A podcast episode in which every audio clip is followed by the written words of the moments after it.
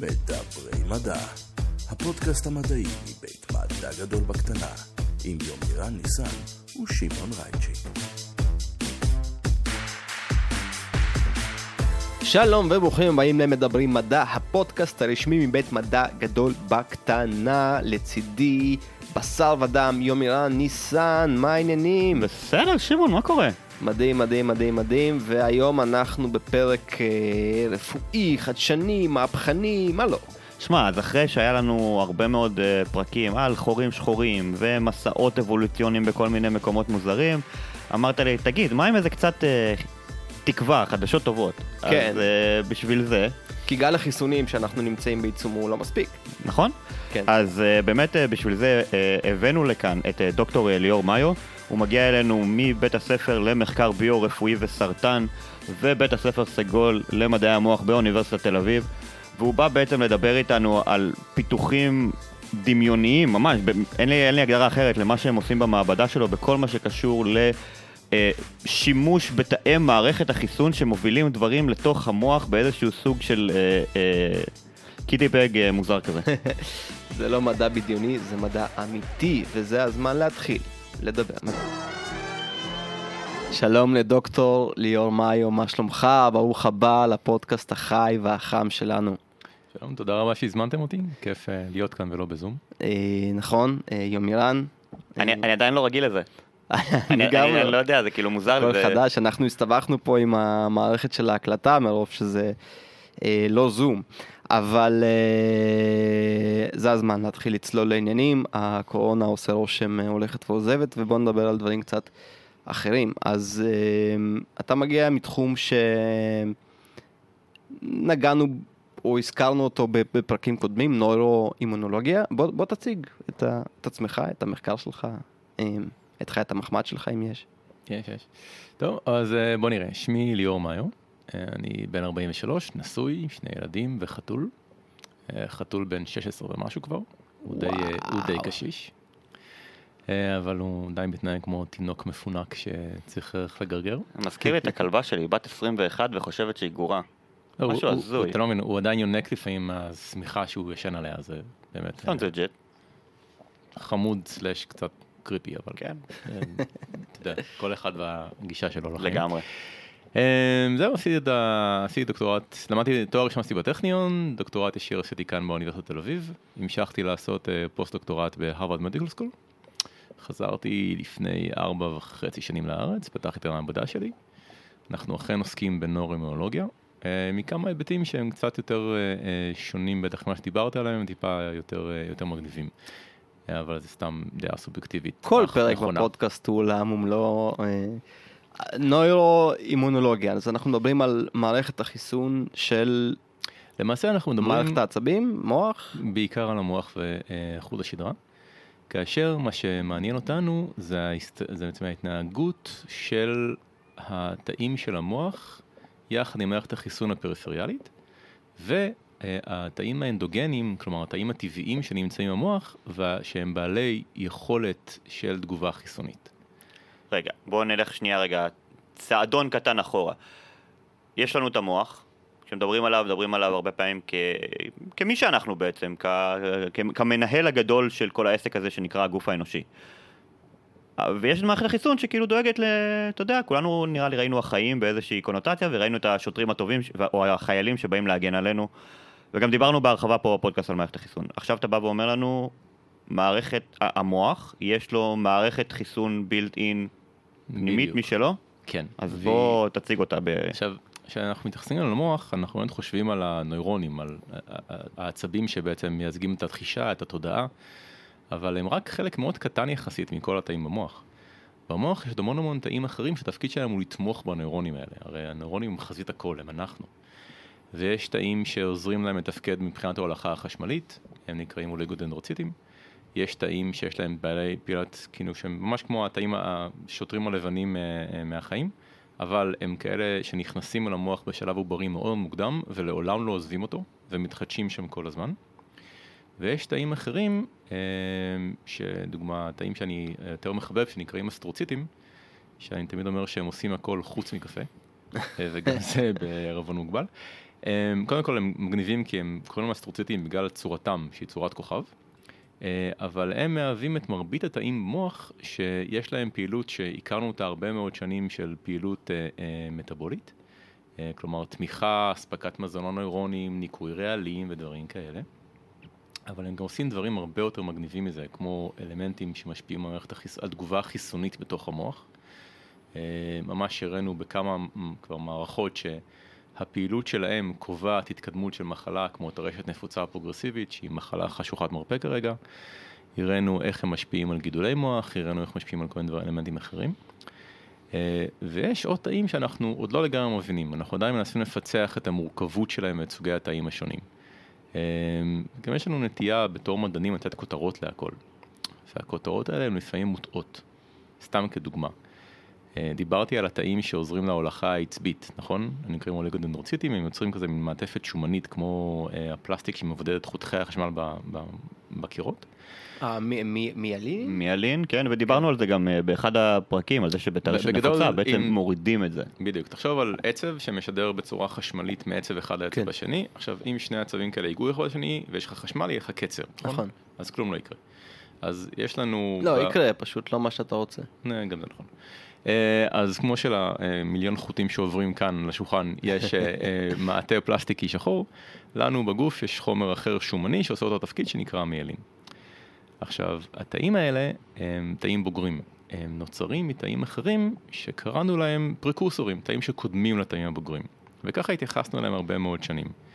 אבל מה, התאים האלה מהווים בערך 4-6% מכל המוח. ואם תחשוב על המוח הבוגר שכבר כל הנוירונים נוצרו בו והוא עטוף והוא מוגן והוא סבבה, אתה צריך 6% תאים שיכולים להתמיין להיות תאים מהסוג הזה? לא ממש. והמוח הוא דבר מאוד יעיל, אתה יודע, זו קופסה סגורה, אין שם הרבה מקום לדברים שלא צריכים להיות שם. ודוגמה, מה שאנחנו מגלים לאחרונה זה שהתאים האלה, לא רק שהם עושים דברים אחרים לגמרי, לגמרי במוח הבוגר, הם אפילו עושים כאלה דברים פסיכיים שאתה אה, לא מעלה בדעתך, כמו את היכולת להציג חלבונים לתאי T, שזה פעילות שמשויכת לרוב לתאים של חיסון קלאסיים לחלוטין. אז כלומר במוח יש לנו... מה- מה- מה יוצר את השינוי? מה אה, גורם לתאים האלה להתחיל לתפקד בצורה אחרת? זה נטו הגיל שלהם, או שזה נוכחות של אה, לא, כימיקלים זה פשוט מסוימים? חוסר הבנה שלנו ונתינת שמות לא נכונים לתאים על סמך פעילות אחת שזיהינו בהם. הבנתי. כמו שהיה לי, אה, היה לי בוס בעבר שהיה אומר, אתה יכול גם לשבור את היד וגם אה, לשבור את הרגל, בו זמנית. נכון. זה בסדר. אוקיי, תמשיך, אתה סקרנת פה ועצרת בקליפהנגר. אוקיי, אז בעצם במעבדה שלי אנחנו מנסים להסתכל על כל ההיבטים האלה. כלומר, אנחנו לא מסתכלים רק על. אה, יודע, האקסיומה הקלאסית של תאים מערכת החיסון הפריפריאלית שנכנסים אל המוח ועושים מה שהם עושים, אלא אנחנו גם מסתכלים בעיקר על התאים שנמצאים במוח. עכשיו, למה זה נורא מעניין ולמה זה תחום נורא נורא חם וחשוב? כי כמו שאמרתי מקודם, מדענים נוטים להיות מאוד אה, אה, הגדרות, דברים, בלאגנים, והרבה מאוד שנים התייחסו אל מערכת החיסון בגוף ואל המוח כיחידה נפרדת, והיה כזה מושג שנקרא immune privileged. כלומר, אין, ש, שטען שאין תגובות חיסוניות במוח.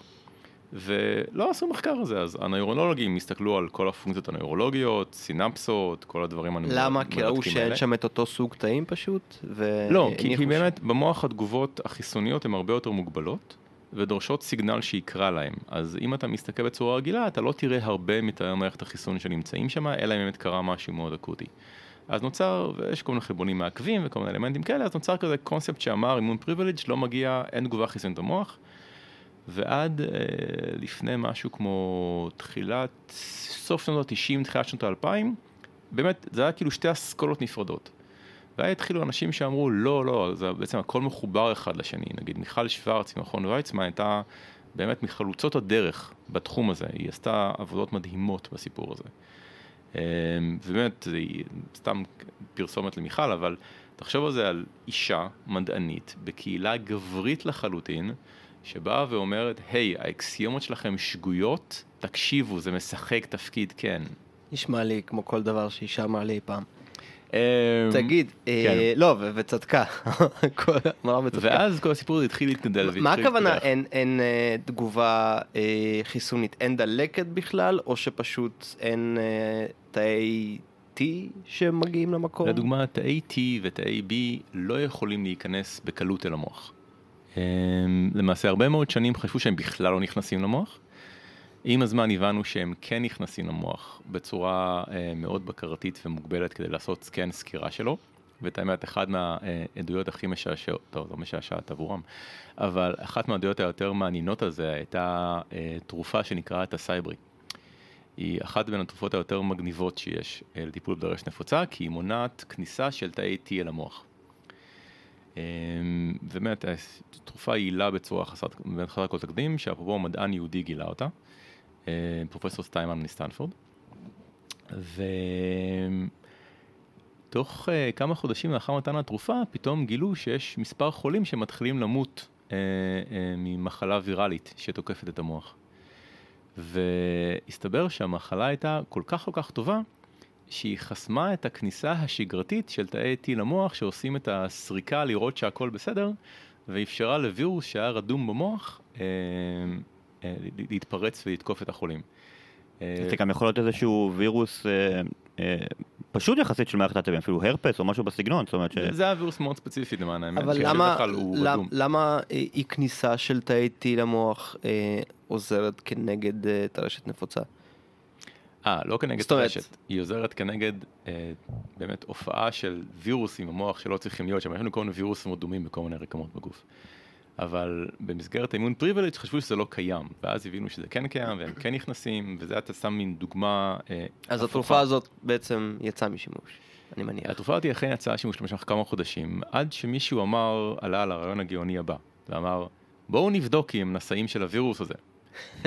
אם הם נשאים של הווירוס הזה, לא ניתן להם תרופה. אם הם לא נשאים של הווירוס הזה, בואו ניתן להם את התרופה. והתרופה חזרה למדפים והיא ניתנת היום אה, באמת ל- לחולי אה, טרשת. אני חוזר למעבדה שלי, אז כאילו מה שאנחנו עושים זה באמת להסתכל על הכיוונים האלה, ואז זה נורא עניין אותנו להבין מה עושים כל התאים שנמצאים במוח ונותנים את המעטפת לנוירונים, ואיך הם משחקים תפקיד את כל התהליכים האלה. אה, ובדרך כלל כשאנשים עושים את זה, הם מסתכלים על התאים שהם מוגדרים כתאי מערכת החיסון הרגילה של המוח. אותי דווקא יותר עניין להסתכל על התאים האחרים, כאלה שהם, קוראים להם תאי גליה, כאילו התאים שהם כאילו הדבק של המוח שמחזיקים את הנוירונים ובלה בלה. התאים הכי נוראים שיש. אוי, הם מגניבים טילים. בתור אחד שעושה סינגל סל, זה- במוח, אה, זה נורא. זה פן אינדיאס, כן. וואו, זה... אלה, אלה התאים כאילו, כשאתה רוצה לעשות אה, דיסוציאציה של, ה... של התאי מוח בעצם, של הרקמת מוח, הם לא מתפרקים. כאילו, הם מדביקים הכל כמו גל... ג'יפה אחת גדולה. עכשיו, יש עוד דבר מעצבן, ככל שהאורגניזם מזדקן ומתבגר, הם נהיים יותר סמיכים ויותר דביקים ויותר בכמות גדולה. בין היתר, אגב, אה, תקן אותי אם אני טועה, זה, זה חלק מה... שלהם זה בעצם, בייצוב של המוח, בעצם לאח... להיות אחראים או לשמר זיכרונות. וזה הגיוני, ככל שמתבגרים יהיה יותר מהם, בין היתר בגלל הפלסטיות של המוח. אז זו אחת הסיבה שבהרבה מעבדות, כולל אני, עובדים על גורים או פרטים הרבה הרבה יותר צעירים. תחשוב, הטלף יכול גם להגיע לגיל התאים 30 האלה? שנה. כן, זה, ניסינו לעשות על אה, מוח של אה, הטלף בוגר, ולא הצלחנו לעשות בכלל דיסוציאציה, זה הכל היה ב, אה, בבלוק. יהיה לך כמות אדירה של מיילין, כן. ואז המיילין יהיה טוקסי, תשבור אותו. מכה, מכה. כן. הכל מת. כן. כל, אוקיי, שוב אז- ושוב ושוב. אז מה, מה, למה אתה כל כך אוהב את התאים האלה בעצם? מה הם עוזרים לך? אה, כי הם עושים כל כך הרבה דברים מגניבים. הם עושים כל כך הרבה דברים מגניבים. הם, עושים, הם משפיעים על הפעילות החיסונית ועל התגובה החיסונית. הם שולטים במי נכנס ויוצא מהמוח. הם שולטים באיזה חומרים מיוצרים במוח ואיזה חומרים מפרק, מפורקים במוח. הם שולטים במי הולך לאן, כמה ולמה. זה פשוט מגניב, נגיד המוח הרי הוא מופרד מהגוף. לא כל מה שעובר בדם יכול להיכנס למוח, לא ברמת תאים ולא ברמת מולקולות. לדוגמה, המון דברים שזמינים בדם לכל התאים, כמו נגיד תאי גידול, לא זמינים לתאי גידול המוח, והם צריכים לשכנע את תאי המוח לייצר את הדברים האלה בשבילם. אמ, אז זה- זה די מגניב. אה, לא, זה, זה מגניב כי תחשוב על זה שאתה בעצם, אתה משכנע את תאי המוח לספק לך את חומרי המזון שאתה צריך בתור גידול, כי אתה לא נגיש מספיק לדם כדי לקבל אותו מהדם. מה שבעצם אומר שזה מאפשר לך זה אחד, זה, מה שזה אומר שזה גם מאפשר לך, זה אחד הממצאים האחרונים שלנו, אה, חלון התערבות בגידולי סרטן שפשוט לא מתעסק בבוא נזהה את הסרטן, בוא נפריע לחלוקה שלו, אלא בוא נמנע פשוט, ממנו, בוא נמנע ממנו מזון. כן. בגלל שהוא בלי סגור. למנוע אבל את המזון למוח. בדיוק. אה, אתה מבין את הקטע המדהים? ואז אתה צריך את אותם אה, גלי... תאי גליה. תאי גליה, אסטרוציטים בעיקר, אה, הכוכ- תאי הכוכב האלה. אה, באמת שאנחנו יכולים לעשות להם מניפולציות, אנחנו יכולים להשפיע בכלל על מה שקורה לגידולים במוח, בלי שבכלל נגעתי בנושא מערכת החיסון, בלי שנגעתי ב... בואו נכניס רעלים לתוך הגוף שיגרמו לתאים מתחלקים כלומר, למות, אלא פשוט... כל, כל הסרטנים במוח אה, מראש יהיו בקטגוריה נפרדת רק בגלל האופן שבו הם גדלים ומקבלים מזון? אני לא יכול להגיד שכל הסרטנים במוח, כי לא בדקתי את זה. אני יכול להגיד לך שבסרטנים שאנחנו בדקנו, כמו סרטן מסוג גליובסטומה, שהוא סרטן מאוד מאוד אגרסיבי עם תוחלת חיים יחסית נמוכה, אה, אנחנו מוצאים שיש תלות מאוד מאוד משמעותית של גידולים אה, בהיבטים האלה, גם באדם וגם ב, אה, גם גידולים הומניים וגם גידולים שאנחנו עושים בחיות מודל. אבל אותה לוגיקה לדעתי תשרת, ומה עכשיו מנסה לבדוק באמת, תנסה, אה, תשרת, אותה ורמביליות תשרת את שאר הגידולים במוח. אה, גם גידולים שהם ראשוניים במוח, כלומר נוצרו ברקמת המוח, אבל סביר מאוד שגם גידולים שניוניים, כלומר גידולים שהגיעו כגרורה אל המוח, יהיו מושפעים מאותו היבט. איך גרורה מגיעה למוח, אם אה, יש אה, כזה gate keeping קשור? זה סיפור אחר מרתק לגמרי, ואני מציע שתזמינו את נטע והיא תוכל לספר לכם, את פרופסור נטע ארז, והיא האדם הנכון לספר לכם את כל הסיפור הזה. רשמנו לפנינו. אמ, אוקיי, אז, אז דיברנו קצת ממש אה, בקטנה על אה, מערכת העצבים, סוגי תאים, סוגי, סוגי תאים נקרא לזה עיקריים, אתה יודע, במוח יש עשרות סוגי תאים, אה, וכל הזמן גם מגלים עוד, עוד סוגי תאים במערכת העצבים, שזה מדהים אותי כמה, אתה יודע, כמה הידע שלנו עדיין מוגבל על מערכת העצבים והמוח. כן, אנחנו גם מנסים להסתמך על הגדרות של כמה חלבונים שמפרידים לנו בין תא אחד לתא אחר. כן, כל מיני מרקרים כאלה ואחרים. בדיוק. ושוב, אה, מדענים הרבה פעמים, אתה יודע, אוהבים לשים דברים בקטגוריה ובקלסיפיקציות מאוד ספציפיים, ולפעמים יש לך אה, סוגי תאים, ואז יש לך תתי סוגי תאים, ואז יש לך כל מיני משפחות של סוגי תאים אחרים, וזה, לא יודע, נראה לי אפשר לחלק את זה ככה בצורה מאוד מאוד רחבה. אה, ובאמת, אגב, מה שהתחלתי להגיד קודם, השיטה הזאת, הסינגל סל, בעצם מאפשרת לנו לפרק את הרקמה הזו, ובאמצעות אותם מרקרים, לזהות מה מרכיב את אותה אה, רקמה מאוד מאוד מורכבת מבחינת סוגי התאים על פי פרופיל הביטוי הגנטי שלהם. שזה הקטע המיוחד והמגניב של השיטה הזו. עכשיו, אה, דיברת בעצם על הקטע של תאי הגליה והחלק שהם מתעסקים בהובלה של, אה, אה, נקרא לזה, חומרי מזון אל הגידול. בגוף אנחנו מכירים את זה שגידולים סרטניים בעצם מסייעים או עושים איזשהו פסיליטיישן של אה, אה, כלי דם אליהם, אבל במוח זה לא קורה. אז מה, לא, זה, או, זה, גם- או זה, איך גם, זה בעצם זה קורה במוח? קורה, זה גם קורה, ויש גם תרופות שעכשיו מנסות להתמודד עם הנושא הזה של אניוגנזה, אמ, אבל עד שזה קורה לוקח זמן. והזמן הזה הוא זמן שבו הם תלויים לחלוטין למה שקורה בתוך רקמת מוח. אמ, עכשיו, אחד מהדברים המעניינים שגילינו לאחרונה, אמ, וקשור לזה, אז אני קורא לזה אימיונומטאבוליזם, הקשר בין מטאבוליזם לבין אימיונולוגיה, בין בעצם חומרי האנרגיה והדברים שהם לא חלבונים פר אקסלנס בתא, לבין תגובות חיסוניות. עכשיו, בדרך כלל כשאנשים חושבים על זה, שזה זה גם יכול להתפרט לכמה אלמנטים שונים, אני אתן לך דוגמה אחת, אוקיי? אה, דוגמה אחת יכולה להיות אנרגיה, האנרגיה של התא, חומרי המזון או שמספקים, אנרגיה. עכשיו, אם אני מנסה להמשיל את זה, אז הצורה שאנשים לרוב חושבים על זה, אז נגיד דלק באוטו. ואז אתה אומר, יש לי הרבה דלק, אני נוסע מהר. יש לי מעט דלק, אני נוסע לאט, אין לי דלק, האוטו לא זז. נכון? אה, נגיד. נגיד. יש מה לחלוק על האנלוגיה הזאת, אבל אז בוא נגיד, דלק נוסע, אין דלק לא נוסע. מעולה. סבבה? הכי טוב. אמ, אם תשים סולר, כנראה זה לא יעבוד על מנוע של זה, או כל מיני... ופה אני גומר את האנלוג שלי על רכבים. אמ, אבל בעצם זה לא. כי בעצם סוג הדלק שיש לך וכמות הדלק שיש לך תקבע אם אתה נוסע ישר, אחורה, ימינה או שמאלה.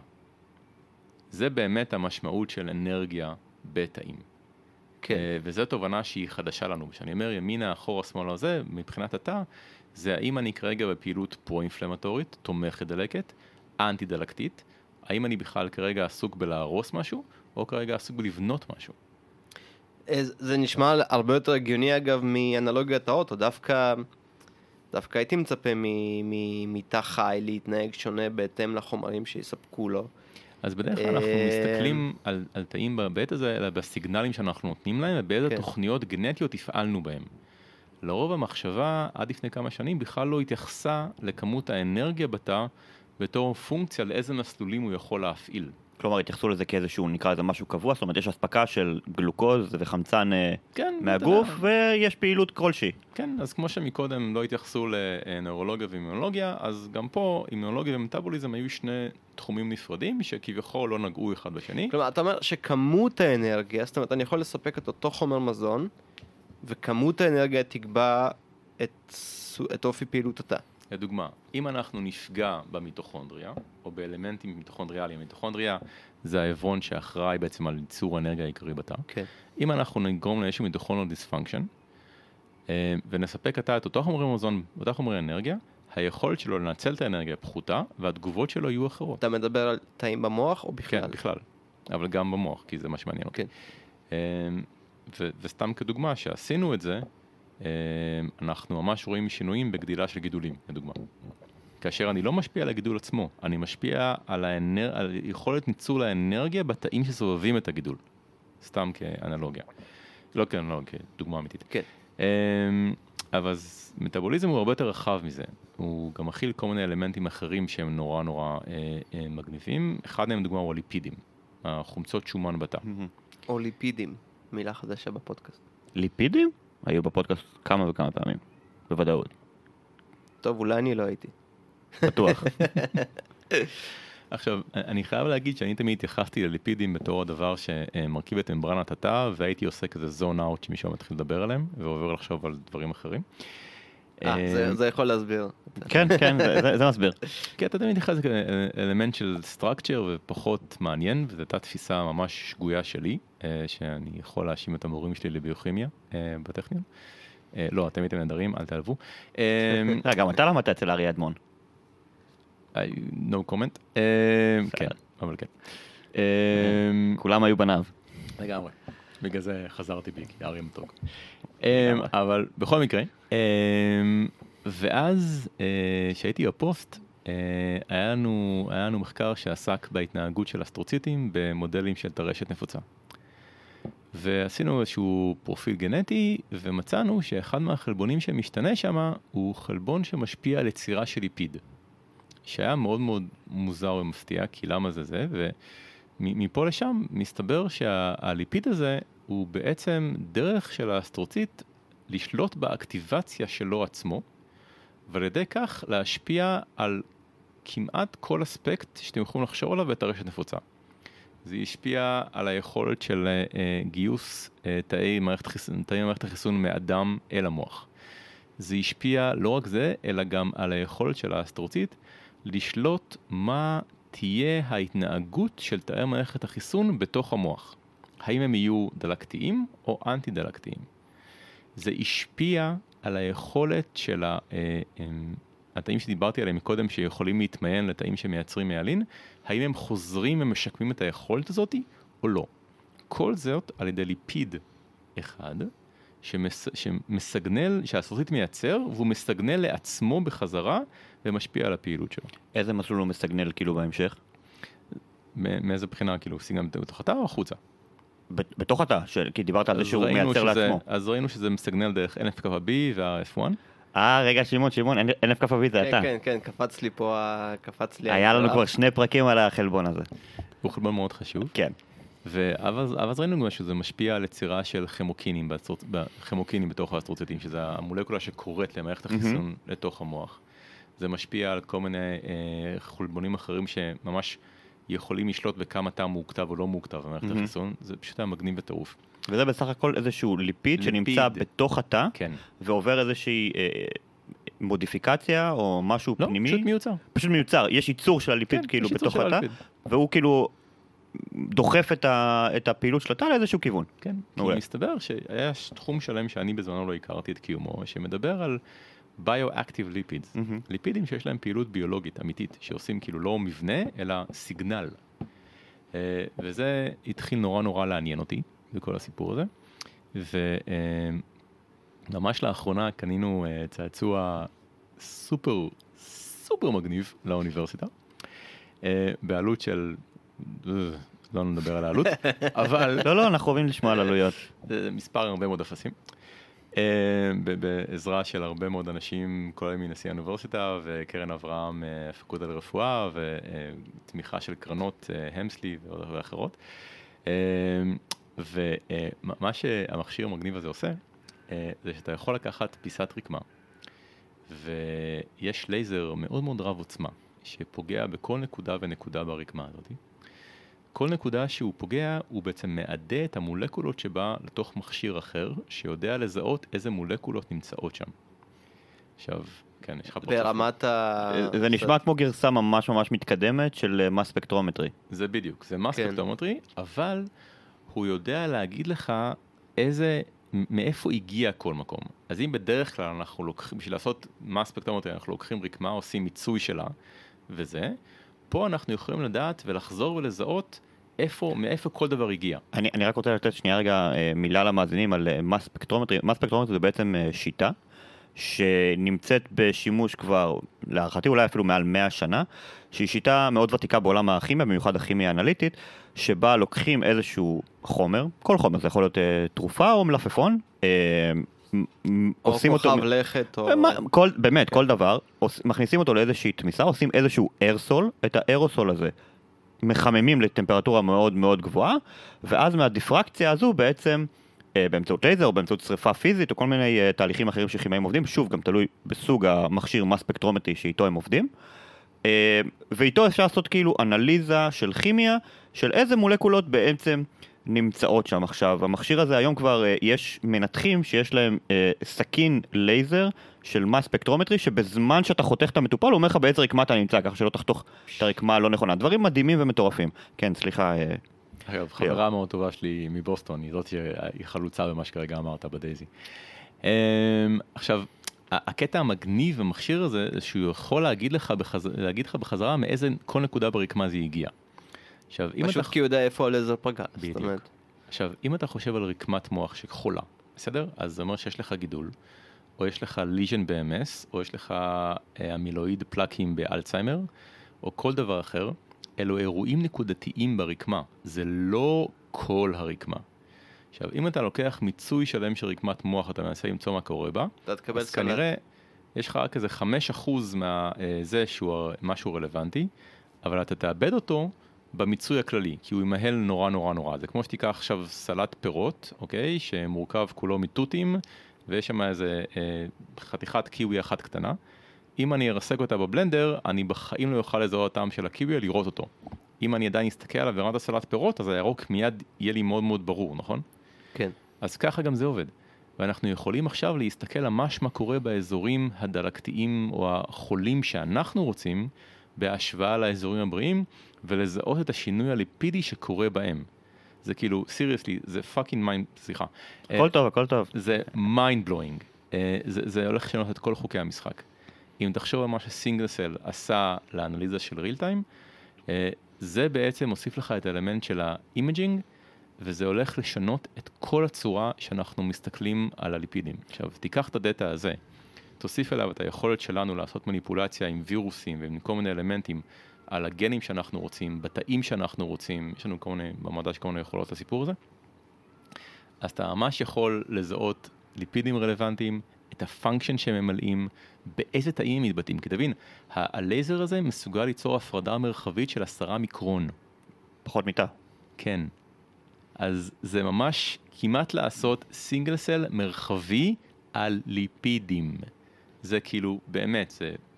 ומה מה- מה הגודל של ליפיד? זאת אומרת, אה, תא זה עדיין מנגנון זה, זה מולקולת שומן. גדול זה ומורכב. מולקולת שומן, זה שטויות. זה- זה, זה כאילו, במסגרת, אותי מעניין לקחת את התא, כי אז אני יכול אחרי זה לזהות מי התא הזה, ואני יכול לעשות מניפולציה לתא הזה בהמשך. אהה. אני יכול לנתק, לנתק את הגן שמייצר אותו, את החלבון, את- סליחה, את הליפיד, אתה מבין? כן.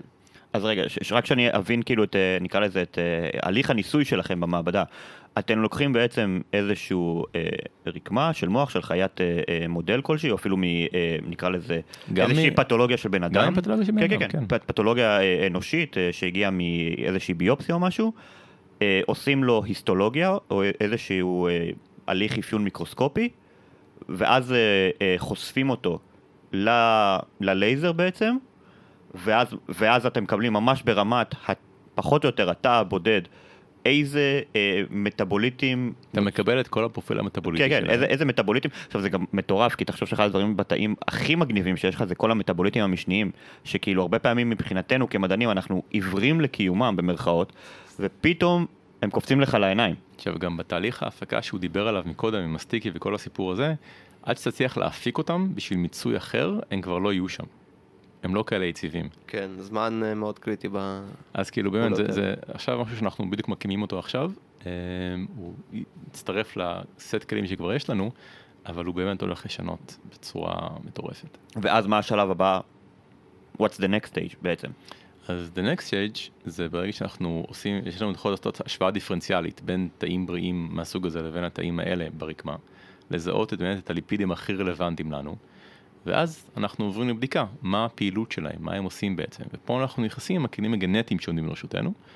אה, במעבדה אנחנו עושים כל מיני אה, שיטות להשתקה של גנים, גם בתרביות וגם ב- אה, באמת מוחות של עכברים.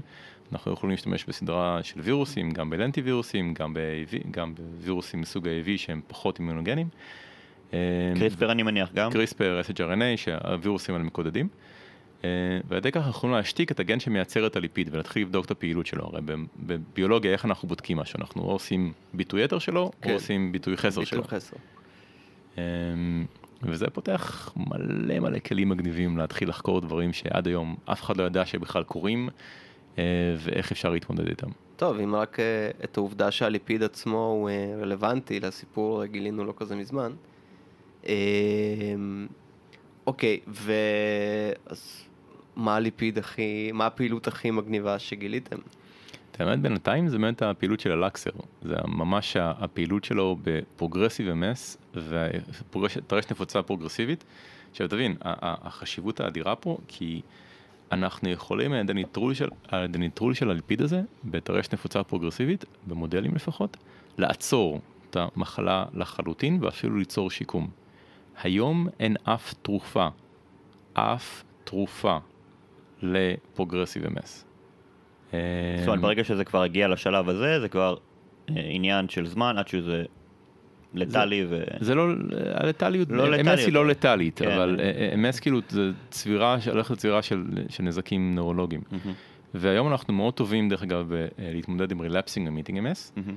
כי אנחנו יודעים טוב טוב, כי זו מחלה שיותר תלויה במערכת החיסון הפריפריאלית, שאותה אנחנו יודעים להתמודד איתה, אבל ה progressive יותר תלוי במערכת החיסון של המוח עצמו. ושם, כמו שאמרתי, אנחנו קצת ב delay על המחקר מהסוגים האלה. אוקיי, אז, אז מה בעצם הגביע הקדוש? פה לתת לבן אדם... אה, אני נזכר עכשיו בחיסוני הקורונה, כן, אבל להזריק לו איזשהו אה, חומר גנטי שהוא ייצר איזשהו וירוס, ש... אה, לא, אוקיי, אז בואו נעשה עכשיו סדר. אוקיי, אז פה אנחנו עוברים באמת לדליברי, ונגיד, כן. בואו נגיד, מצאנו את המולקולה המעניין שאנחנו רוצים להתמודד איתה, מה אנחנו עושים עכשיו? ופה יש כל מיני בעיות. הבעיה הראשונה היא המחסום דם מוח, שדיברתי עליו מקודם. המחסום הזה בעצם הוא מאוד uh, טוב למוח, אבל הוא נורא מגביל אותנו. כי זה אומר שאנחנו לא יכולים להעביר חומרים בקלות למוח. נגיד, חומר, אפילו חומרים, תחשוב על כימותרפיה. אוקיי? מעט מאוד חומרים בעלי פעילות של כימותרפיה יכולים לעבור את המחסום הזה. מעט מאוד תרופות יכולות להגיע. אם כבר אנחנו מצליחים להוביל אותם למוח בצורה הזאת, אנחנו צריכים לתת כמויות מאוד מאוד גבוהות, ורק פרקציה מאוד קטנה מהם תצליח באמת להיכנס למוח. זה ויהיו- כבר אה, יוצר כל מיני בעיות. למישהו. נכון מאוד. ת- תחשוב שבהרבה מאוד מקרים יש, יש ממש תרופות שמתקינים איזשהו דלף שבאופן מרחבי, באופן פיזי, מעבר ל-BBB, שזה המחסום דם מוח. ואז בעצם פיזית מחדירים את החומר ישירות. יש כמובן בזה הרבה מאוד חסרונות, כמו העובדה שאתה צריך לקדוח למישהו לתוך הגולגולת. כן. אה, אנשים נוטים לא לאהוב את זה. כן, ואנשים אה, פחות מסמפ- מסמפתים את הרעיון, וגם הרבה מאוד פעמים, אתה יודע, בגלל שזה חיצוני, אז או שיש סיכון של ממש פגיעה פיזית במוח, או שזה יהיה רק בחלק, נקרא לזה החיצוני של המוח, אבל אם יש לך איזשהו ליז'ן או פגיעה שהוא עמוק יותר, קרוב לגזע המוח וזה, אתה צריך איזושהי הובלה יעילה יותר של הגוף, שתסייע, שתסייע לך בזה, ובשביל זה אתה צריך לעבור את, ה- את המחסום. עכשיו תחשוב על זה גם ככה, אה, לפעמים יש לך מספר נגעים, אתה מדבר איתי על הרשת, אז יש מספר נגעים. אתה לא תמיד תזהה אותם. איך אתה מצליח להגיע לכל נקודה שאתה רוצה להגיע? כלומר, יש פה גם שאלה מרחבית ממש, של איפה ה... אז אנחנו במעבדה החלטנו לתקוף את זה מכמה כיוונים אחרים. ואחד מהכיוונים שחשבנו על לתקוף אותו הייתה דרך שאלה נורא, נורא פשוטה. אמ, האם נוכל למצוא מרקר שמזהה את התאים שנכנסים אל המוח, לא בהכרח התאים שכבר נמצאים בו. כי אם אנחנו מדברים כי אמרת את זה בעצם, יש, יש הרי תנועה של תאים, כמו לדוגמת תאי מערכת החיסון הפריפריאלית, שכן נכנסים למוח וכן עושים שם ביקורת וכן מטפלים בכל מיני דברים. נכון. עכשיו, הקטע המגניב הוא, ש... טוב, מגניב. אמ, מבחינתי זה מגניב ברמה הביולוגית והמחקרית. גם אותנו זה מגניב, אל תרגיש נבוך להגיד את המילים האלה. כן. אז אמ, נגיד, תחשוב על גידול, או תחשוב על ליז'ן ב-MS. בעצם, מה שקורה, שהתאי מערכת החיסון ינדדו אל הליז'ן, הם ינדדו אל הגידול, הם מגיעים לשם. ואנחנו אמרנו, אוקיי, אם הם מגיעים לשם, בוא נתפוס טרמפ. בוא נייצר נוגדנים שנקשרים אל התאים האלה והולכים לאן שצריך ללכת. אה, ובאמת מצאנו כאלה. אה, הצלחנו דרך שאלה נורא מגניבה שמתעסקת בהבדלים בין התאים האלה של הפריפריה מול התאים האיננטיים של המוח, אותם תאים שוטרים לבנים, אה, מצאנו מרקר שהוא ייחודי, וייצרנו בשבילו נוגדנים, אה, ואנחנו היום יכולים להשתמש בהם אה, כדי... יש מקהלת צבועים. אוח, התגעגעתי לגן הזואולוגי. תנים, תנים. תנים, תנים. תתבייש לך. יש צבוע אחד רק בגן, נכון? עדיין יש? כן, והוא לא מיילל. הוא לא מעלה, נכון. יש לו סטייל. ואתם יותר גרועים ממני באמת. אמ, אין לך מושג, אין לך מושג. אז, ש- אז אמ, בעצם מה מצאנו היה את המרקר הזה והוא מאפשר לנו עכשיו לשלוח נוגדנים אה, שיכולים להדביק דברים אל התאים האלה ולהעביר אותם לתוך המוח. ואז לדוגמה בגלל שאנחנו יודעים שהם מגיעים לאזור הדלקת ובאזור הדלקת יש כל מיני אה, חלבונים שיודעים לחתוך דברים מסוימים אנחנו יכולים לקחת נוגדן שמזהה את התאים האלה לחבר אליו את התרופה או כל מה שאנחנו רוצים ועם לינקר ואז כשהוא יגיע לאזור הדלקתי יש שם את החלבון החותך הזה והוא יחתוך אותו והוא ישחרר התרופה באזור שאנחנו רוצים. אז אתה לא צריך לתת כמויות גדולות של החומר, צריך כמויות נורא נורא ספציפיות שישתחררו בדיוק באזור הכי דלקתי שבו קורה עכשיו משהו. תראה, אם היית מציג לי את זה כבעיה אמ, הנדסית, כן, של משהו שרובוט צריך לעשות, הייתי אומר, שמע, בסדר, לא כזה, לא כזה קשה. הבעיה היא שכל הדבר הזה הוא בגודל של מולקולות. אמ, בתהליכים שאין לך שום שליטה עליהם, זאת אומרת, אתה רק יכול אה, לתת איזשהו חומר ולקוות שהכימיה אה, תעשה את שלה. אמ, ו- אבל ובסוף גם, אתה יודע, שזה יגיע, ייחתך, אה, יעבוד, יתקשר הביתה להגיד... אה, תקשיב זה עובד נהדר. אמ, זה ממש עובד זה מה שאתם נהדר. חושבים? בינתיים כן. אז בוא תספר לנו באמת איך זה, איך זה מראה תוצאות במעבדה. בינתיים אנחנו לקחנו לשני כיוונים שונים. כיוון אחד באמת לראות שאנחנו יכולים את הנוגדנים האלה ושהם יגיעו לאן שאנחנו רוצים, והם באמת מגיעים לאן שאנחנו רוצים, אם זה בגידולים, אם זה ב-MS.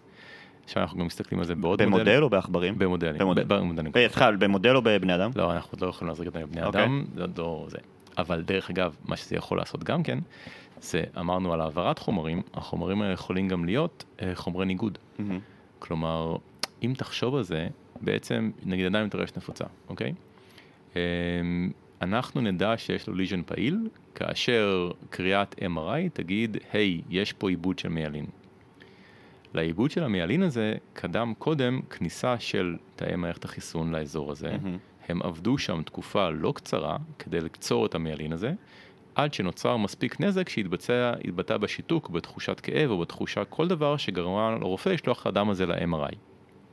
כלומר, עכשיו אנחנו צריכים להתמודד עם המחלה, אנחנו יכולים לעצור אותה, אנחנו לא יכולים לשקם אותה דרך אגב, אנחנו רק יכולים לעצור אותה, אבל כבר הנזק נעשה. עכשיו, בוא נחשוב על המצב האחר, המצב שבו אני לוקח את דוגמת הנוגדנים האלה, מצרף אליהם חומר ניגוד. עכשיו, אני עושה בדיקה תקופתית לבן אדם הזה, ואני אומר לו, בוא נראה אם נכנסו לך תאי מערכת החיסון למוח למקומות חדשים, ואם כן, בוא נעצור דלקת עכשיו, לפני שנוצר לך הנזק. זאת אומרת בעצם לעבור לש, ל, לרפואה מונעת ב- ב-MS. בחולים, כן. הקטע הוא שזה זה על פניו נשמע מהמם, אבל זה גם נשמע מאוד מאוד יקר לעשות את זה ברמה של, אתה יודע, עשרה מיליון אנשים עכשיו רק בישראל בערך. אז לא, עשרה מיליון אנשים בישראל זה בקושי יש. לא, אבל אתה עושה את זה על חולים, אתה עושה את זה כבר חולה מאובחן, אתה לא עושה את זה על כל בן אדם. לא, אתה- אמרת שאתה רוצה לעשות סקירה תקופתית לא, אבל לאנשים. לחולים, לא אה, לאנשים. לחולים, אוקיי. אני לא יכול להתחיל לזכור את כולם, אבל כן. אני יכול לחולים. לחילופין אני גם יכול, לחילופין אני גם יכול להסתכל על אה, נוזל השדרה ולראות האם המרקר הזה מתחיל להופיע בו. אם אני רואה שהוא מתחיל להופיע בו, אני יכול לדבר על זה שבאמת נכנסו כנראה את מערכת החיסון לזה, והגיע הזמן להת- להתערבות תרפויטית שלי. באיזה שלב אתה יודע אבל אה, להתערב? זאת אומרת, אה, האם, האם בן אדם שאתה תתחיל אה, לזכור אותו אה, כבר סובל מאיזשהו נזק, או שיש כן. דרך לעשות את זה? כן, הבנתי. אני לא אתחיל לעשות דיקור מותני לאנשים סתם, או לחילופין לשלוח את כולם ל-MRI. זה לא ייגמר טוב. אבל אני אומר, זה, זה כיוון אחד. עכשיו, אז זה דוגמה, השימוש בנוגדנים האלה. אה, אני יכול להשתמש בנוגדנים האלה כדי להרוג את התאים האלה. אוקיי? אני יכול להרוג את התאים של מערכת החיסון לפני שהם נכנסים אל המוח. באמת שעשינו את זה, התוצאות היו מגניבות, אם הייתי יכול, אם אראה לכם סרטון, אם היה פה דרך, אבל זה באמת כאילו סופר מגניב. ואנחנו מסוגלים לעצור את המחלה עוד לפני שהיא מתפתחת. וגם, אז כאילו, יש פה שלושה היבטים שונים. עכשיו, זה כיוון אחד. כיוון שני אומר, אוקיי, נוגדנים זה הכל סבבה, זה נחמד וטוב ויפה, אה, אבל גם הזכרת את החיסון לקורונה והאלמנטים שלו, אז אפשר להשתמש בדברים דומים לזה. לדוגמה, במקום לקחת, הרי מה זה החיסון לקורונה? זה איזשהו בועה ליפידית, אה, אמרנו ליפידים, ליפידים שוב, ובתוכה יש mRNA שמקודד לאיזשהו חלבון, אוקיי? אז אני יכול לקחת את אותה בועה אה, ליפידית, לשים בתוכה את ה-mRNA שאני רוצה, לחלבון שאני רוצה, נגיד חלבון שיודע לפרק איזשהו ליפיד או כל דבר אחר, או חלבון שיודע לייצר איזה משהו, אפילו נגיד אה, אה, חלבון שהוא אנטי דלקתי, שאני רוצה להעביר אותו למקום מסוים. הליפידים בחיסון קורונה הם, הם במקרה הזה מבניים זה סתם. זה סתם מעטפת, כן. זה סתם אה, מעטפת שתאפשר ל- ל- לבועה אותי להתאחד עם ממברנת התא ולשחרר את ה-mRNA לתוכה. כן. אבל אני יכול לחבר אליה עכשיו נוגדן למעטפת הליפיד, נוגדן שיתחבר לתאים ששוב יעשו לו delivery לאזור ושמה שזה יקרה. ל- למקום ספציפי שאתה בוחר. בדיוק. או שפשוט ייכנס לתוך התאים שאני רוצה, במקום שבחיסון הוא נכנס לכם ל- אה, לרקמת השריר, אני אזריק את זה לדם, אני אתן לו להיכנס לתאים, לתאי מערכת החיסון שאחרי זה הולכים אל המוח, כדי שהם ילכו למוח וישחררו את החלבון שהם מייצרים עכשיו. במקרה הזה זה יהיה חלבון שלם שמייצר אה, אנדוגנית בגוף, לא ייצור תגובה חיסונית שונה, הוא פשוט יהיה אנטי אינפלמטורי לדוגמה. אופציה אחרת שאנחנו יכולים לעשות זה להשתמש בווירוסים. עכשיו זה לא וירוסים שאתם חושבים עליהם שיכולים להדביק מאדם לאדם לאדם. כשאנחנו מדברים ב- כביולוגים או כרופאים על שימוש בווירוסים, זה וירוסים שיודעים להדביק אך ורק פעם אחת. עכשיו, גם כדי למנוע כל מיני השלכות לא חיוביות, אנחנו משתמשים בווירוסים שיודעים להדביק פעם אחת, אבל מה שהם מעבירים לא יכול להיכנס ל-DNA. כלומר, הוא לא עובר אינקורפורציה ל-DNA, הוא לא משפיע על ה-DNA שלנו בשום צורה שהיא. זה מאוד דומה למה שהם עשו אה, בחיסון אה, קורונה עכשיו, עם אה. ג'ונסון ג'ונסון או באסטרזניקה, בדיוק. שהם בעצם לקחו אדנווירוס, הנדסו אותו, בדומה למה שעשו עם ה-mRNA בחיסונים של פייזר ומודרנה. אגב, מודרנה זה בעצם ראשי תיבות של שימוש ב messenger RNA. בגלל זה גם הטכנולוגיה הזאת הייתה קיימת, כי עבדו עליה לפתח טיפולים להרבה מאוד דברים אחרים. כי. תחשוב, אתה בעצם רק שולח הוראות הפעלה לתא של אה, חלבון כלשהו, ואתה יכול לשלוח את זה לכל מיני מקומות בגוף ולעשות כל מיני דברים בגוף. כלומר, ה-RNA שהתא ייצר אה, לא יזהה ל-RNA שנתנו לו בחיסון. זאת אומרת, הוא ייצר משהו קצת שונה. אתה יכול לגרום לו לייצר ליטרלי מה שתרצה. מה אתה, שתרצה. אתה, אתה מייצר במכונה את ה-mRNA, או לצורך העניין מייצר בתרבית את תחשוב שיש הווירוסים לך- האלה, ואתה שולח לאיפה שאתה רוצה ואתה עושה מה שאתה רוצה בעצם. תחשוב שיש לך כל- מפעל לייצור חלבונים בתא, כן. ואתה אה, בא ואומר, הנה, קח קח תוכנית, את התוכנית אה, תייצר אותה הזאת. עכשיו למשך השעתיים הקרובות, כן, והיא תחזיק. מעמד שם עד שהיא תחזיק, ו... והיא תחזיק עד לכמה כן. שעות, זה היציבות של mRNA בתוך תא. כלומר, שום דבר לא, לא פר סה משתכפל ב... כלום, כן, אוקיי. כלום. זה הקטע היפה בזה. אתה יודע, עבר יום, זהו, זה נגמר. יותר כן. זה לא ייצר את זה. בגלל זה גם הקטע של, של הבטיחות, זאת אומרת, הוא אחרי- מקסימלי. הוא, הוא מקסימלי כי אתה, אה, אתה משתמש בבועית ליפידית שמשתמש בה כבר שנים בהרבה מאוד או חיסונים או תרופות אחרות, אתה משתמש ב-mRNA שאחרי כמה שעות הוא כבר מתחת שם. לסף הגילוי של המכשירים הכי הכי רגישים שלנו, שזה כלום ושום דבר, ו- וזהו, זה כאילו מה שיש, יש. וזה זה בעצם היופי של השיטה הזו. עכשיו אני אחזיר את זה כמובן לאיך מטפלים בזה במחלות מוח, לליאור. כן, אז זה בדיוק מה אנחנו רוצים לעשות, אנחנו רוצים להשתמש בווירוסים האלה עכשיו. אנחנו יכולים, בשונה קצת ממה שעשו בחיסונים, אה, גם להדביק תאים בצורה הזאת, אבל אני יכול לשלוט באיזה תאים אני מדביק, אוקיי? כלומר, אני לא רוצה להדביק את כל התאים במוח, אני רוצה להדביק את התאים שהם רלוונטיים לי, כלומר, אז אני משתמש בפרומוטור, שזה בעצם איזשהו חלק מסוים שאומר לגן איפה להתבטא, אז אני יכול לשלוט באמירה איפה בדיוק זה יתבטא לי. אז זה לא יתבטא בכל המוח, זה יתבטא רק בתאים המעוכתבים שנמצאים ליד הגידול, או ליד הליז'ן, או ליד דבר אחר. עכשיו אנחנו גם עכשיו מנסים טיפה, וזה אנחנו עושים בצורה רוטינית. עכשיו אנחנו גם רוצים להסתכל על וירוסים קצת שונים מהמשפחה הזאתי, שהם, שוב אני אגיד מגניב, כי אני קצת גיק, אבל מה לעשות, שעושים אותו דבר, אבל אני יכול להזריק אותם לדם, והם יודעים, יש להם הומינג משלהם אל המוח. איך ההומינג הזה בעצם נעשה? זה, זה לא משהו טריוויאלי. זה לגמרי תכונה אינהרנטית של הווירוס. אה, זה, וירוס שכאילו מדביק כן, מערכת כן. עצבים. אוקיי, כן, סבבה, אוקיי. זה סבבה, שמדביק מערכת אוקיי. עצבים.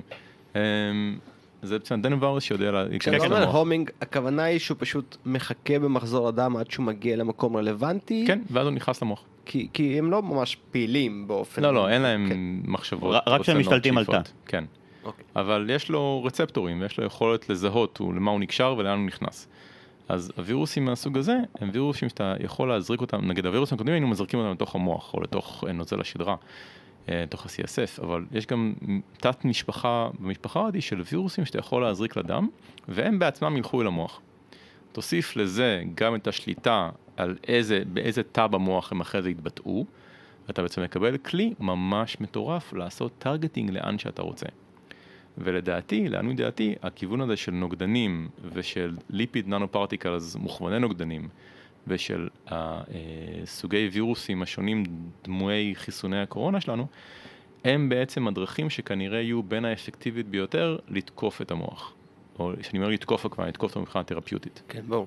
אז שים לב ש, שממש ב, בכלום זמן היו לנו שני פרקים שמדברים על לתקוף אה, שתי מערכות נורא נורא מורכבות באמצעות דברים נורא דומים, באמצעות אה, אה, nanoparticles מבוססי ליפידים, גם הפרק עם אנדרו שהיה על סיסטיק פיברוזיס, שזה יוצר איזושהי שכבה נורא נורא עבה ובעייתית בריאות, כן. וגם עכשיו יש לנו איזשהו אתגר בלהכניס ולהוביל דברים אל תוך המוח בגלל אותו מחסום שנמצא שם, וגם הפתרון הוא מאוד מאוד דומה, רק כמובן עם, עם tweaking שהם ייעודיים למערכת ספציפית. מה, ש... תראה, מה, ש... מה שמרשים אותי מסתכלים- מאוד זה, זה הכירורגיות, זאת אומרת, זה, זה הדיוק. ה- הרמה שבה אתה יכול אה, גם אה, לעבור ספציפית אה, את, את אותו מחסום וגם אה, להתביית וגם לעשות בדיוק את הפעולה הרצויה ברמת החלבון הבודד. כן, זה כל היופי בזה. כי תראה, בפועל מה שאנחנו עושים פה, אנחנו מחקים את הטבע. כן. כן. הטבע יודע לעשות מה שהוא עושה הכי טוב. וגם הליפיד ננו פרטיקלס האלה, הם בעצם מחקים את ההתנהגות של וירוס, אם תרצה. שזה באמת בין המכונות הכי יעילות ומשושפות בטבע, שהמטרה שלהם זה לבטא חלבונים איפה שאני רוצה. כן. בכמות מאוד גבוהה. ואנחנו בעצם לוקחים את המערכת הזאתי, אבל שולטים בה. כלומר, אנחנו מונעים ממנה את היכולת לשכפול עצמי, אנחנו משעבדים אותה לדרישות שלנו, לייצור את החלבונים.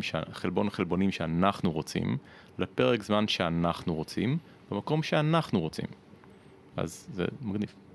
תגיד, אה, אם הזכרת את העובדה שאתה גיק ואתה בטח אה, תשמח לדעת שאנחנו כאן בפודקאסט אה, בונים צבא רובוטים במרתף, הטכנולוגיה הזאת נשמעת, אוקיי, היא עושה את הדברים הבנאליים, כמו לרפא... אה, מחלות חשוכות בפה. כן, טרשת נפוצה, אה, סרט, סרטנים מסוימים. אה, יש לה עוד שימושים, או לפחות מחשבות על איזה עוד דברים אפשר לגעת בהם במוח בצורה מאוד מאוד כירורגית, או סוגי מחלות נוספים שאנחנו כרגע לא יודעים איך להתמודד איתם. הרעיון הוא שכן. למעשה היכולת שלך להשתמש בזה היא מאוד מאוד רחבה. תראה, יש תמיד, יש תמיד אפשרות שגם מתקן דברים ב-DNA. היא אפשרות שהיא הרבה יותר טריקית ומסוכנת. נגיד, אתם דיברתם על קריספר, אני מניח שדיברתם על זה בעבר. היה לנו פרק שלם רק על זה, בדיוק להסביר את המנגנון, תאזינו הפרק עם אורן אוסטר. כן. עכשיו, אני מניח דיברתם על הקריספר בעיקר בכיוון של לעשות נוקאוט ולעשות זה. דיברתם על דיברנו הכיוון על של, הרבה דברים. של התיקונים? כן. ושל הביטוי יתר? כן. אוקיי. אז זה באמת כיוון, לכו לפודקאסט ש, אה, אה, שאורן, אורן? אורן אוסטר, כן. אוקיי, שאורן אויסטר. אה, ותוכלו לראות איך אנחנו יכולים להשתמש בזה בתור כלי באמת לתקן בעיות. אבל פה צריכים להיות מאוד מאוד זהירים. זה כי אז, הנינג'ות מוות שאתה מייצר, פתאום יתקפו אותך, או, או יתקפו אחד את השנייה. לא, כי הקריספרים הם כלי נהדר. אני באופן אישי עוד לא חש מספיק נוח עם הספציפיות שלהם. אחד הדברים גם שדיברנו עליהם די בהרחבה, גם בפרק עם אורן וגם הפרק אגב עם אה, ניצן גונן, זה בדיוק על העניין הזה, שאחד הבעיות היום של הקריספר שאנחנו יודעים זה שיש, אפילו ברמת דיוק המאוד גבוהה שהגענו, עדיין יש מה שנקרא אוף טארגט אפקט, effect. בדיוק. וזה מגיע באיזה שהם אחוזים שאתה תפגע לא רק במקומות הנקודתיים שאתה רוצה לפגוע, ושמע, אם זה פוגע במקום אחר שהוא בעייתי, אתה יכול לייצר אה, צרות ב- גדולות. בגלל זה העדפה שלי באופן כללי היא לא להתעסק עם ה-DNA של התאים. כן, אני מתעסק ברמות ה-mRNA, אני רוצה לשלוט בביטויים בצורה בביטויים כזאת, של החלבונים. בלי לגעת בבלופרינט של התא. אבל אותי מה שתמיד אה, מרשים מחדש בכל הפרקים שנוגעים אה, איכשהו ב, אה, בחומרים גנטיים וחלבונים שבאים לידי ביטוי, זה שכמו שאמרת על הליפידים, שבעצם פתאום גיליתם שהחלבון הספציפי הזה עושה אלף ואחד דברים, פשוט לא ידענו עליהם ספציפית בסביבה הזאת, בנקודה הזאת. אז אה, כן, נשמע לי שזהירות היא מילת המפתח, כי... זהירות היא לגמרי אתה מפתח. כי לך, זאת אומרת, לך תדע. אני אוהב לעבוד בדברים שהם טרנזיאנט, כלומר דברים ש... אתה יודע, אתה נותן אותם, הם עושים פעולה כן. לזמן מוגבל ואז מפסיקים. ואז אתה יכול צריך, לבדוק מה אתן- קרה צריך, ו- אני אתן עוד מנה, כן. בסדר, אבל אני רוצה שיהיה להם זמן מחצית חיים כזה קצר, שאני לא אגרום נזק. כן. אם אתה לוקח את שבועת הרופא, אז אותו דבר תקף גם עבורנו בתכלס. צריך גם להגיד שבהקשר בהקשר הספציפי הזה גם יש פה איזשהו יתרון, כי אתה יודע, חברות התרופות תמיד ירצו לתת משהו שצריך לתת שוב ושוב ושוב ושוב, כי ככה הן מרוויחות יותר כסף, וצריך להגיד שזה אה, בהרבה מאוד מקרים, כאילו, הן מכוונות ללכת לתרופות ה... ה איך קוראים לזה? התרופות ה... אה, אה, נו, שצריך לתת שוב ושוב ושוב. אה, תרופות שצריך לתת שוב ושוב ושוב. כן, אה. כן, אה, אבל שזה- כרוניות, שזה- סליחה, תרופות כרונ- כרוניות. שזה טוב גם לנו, כי אה, כמובן אה, ביג פארמה מממנת אותנו, ו... אה, אוי ואבוי, רק שלא יחתכו את זה החוצה. אז אה, אני בעצם המעבדה שלי, כי מה שאנחנו עושים, אנחנו כל הזמן נעים על התווך הזה בין basic science, להבין פעולה של ליפיד, להבין פעולה של תא, להבין מנגנון, ולקחת את זה למה שקוראים לו transitional medicine, כלומר לקחת, לראות איך אנחנו עוברים ולוקחים את הממצאים האלה ויוצרים להם איזושהי תרופה או מטרגטים אותה בצורה כזו או אחרת כדי שנוכל באמת להשתמש בה. אז אנחנו כל הזמן נעים ימינה, שמאלה וימינה על התווך הזה בין ה- בין שני המצבים האלה. דוקטור ליאור מאיו, הזמן שלנו... אה, באמת? עברה שעה? וואו, אתה אוקיי. מבין? אה, אם- אם- אם הביג פארמה באמת הייתה מממנת אותנו, אז אולי היה לנו עוד זמן. אבל אין לנו לצערנו. אה, אבל אה, כמו תמיד, זה אומר שאתה תצטרך לחזור לכאן ולהשלים את החסר.